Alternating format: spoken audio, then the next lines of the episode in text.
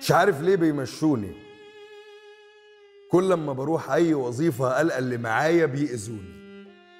بتبهدل وأتعب وأدي الشغل ويا ريت بتعامل زي الناس مع إن أكتر واحد مطحون لا بيرضوا ولا بيحبوني.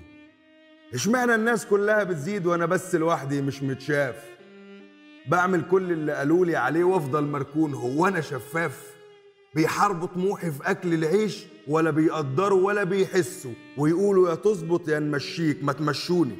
وأنا يعني هخاف يشكروا في الناس وفي عمايلها وأنا بعمل برضه وبتهمش ومادام كده كده مش هيشوفوا فبقيت أستقصد ما اهتمش. ما هو غيري مقضيها ونايم والكل بيحلف بكفاءته. أما أنا شغال زي الساقية وعلى رأسي الهم ما يتلمش.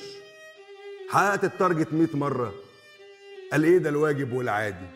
وما خدتش حاجة من ال target غير كمل شغلك ده العادي. زملاتي بيتجمعوا تما وما يعزمونيش. قال إيه شكاي؟ وأنا أكتر واحد ببقى مريح ووجودي خفيف. بقعد هادي. اسمع.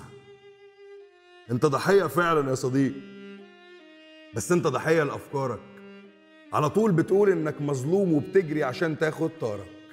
إثبات الذات مش بالعافية ولا بالخناقات ولا بالشكوى. إثبات الذات إنك تدي وتقيد المطفي بإصرارك. تسمع وتقيم وتحاول بمرور الوقت تسيب تأثير. المكسب دايما للمعطاء مش للي بيفضل يشكي كتير. افرح للغير على خير جاله وبارك له وروح كمل شغلك. صدقني اللي بيتعب دايما بيلاقي وبيشوف التقدير. مش عيب إنك تسأل غيرك. هو أنا مظلوم ولا مقصر؟ العيب إنك تفضل مخدوع وتسب في غيرك وتكسر.